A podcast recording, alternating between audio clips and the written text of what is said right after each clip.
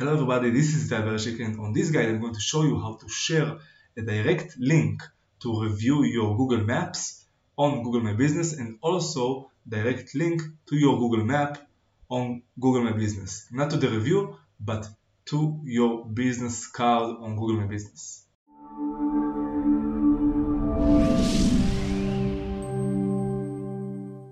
Okay, so in order to share your direct Google Map business link, you have to look for your business in Google and go to the tab Maps. Here you can see just your business card on Google My Business account.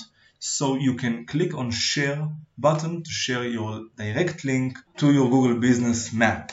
After you copy the link, you can share it via WhatsApp, email, Facebook, or Twitter and also you can send it to anyone you want just to see your business card on Google without the review option. But if you want to send the review direct link just to review your business, you have to log in inside your Gmail that is managing your Google business account.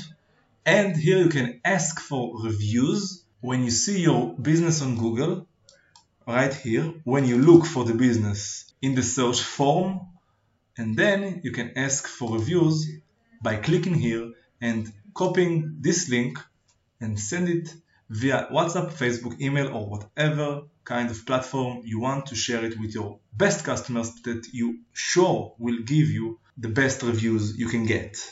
So as you saw, it's very easy to get those links and share it to your friends, family, and customers. If you have any more questions, you can write down on the comments below and I will comment.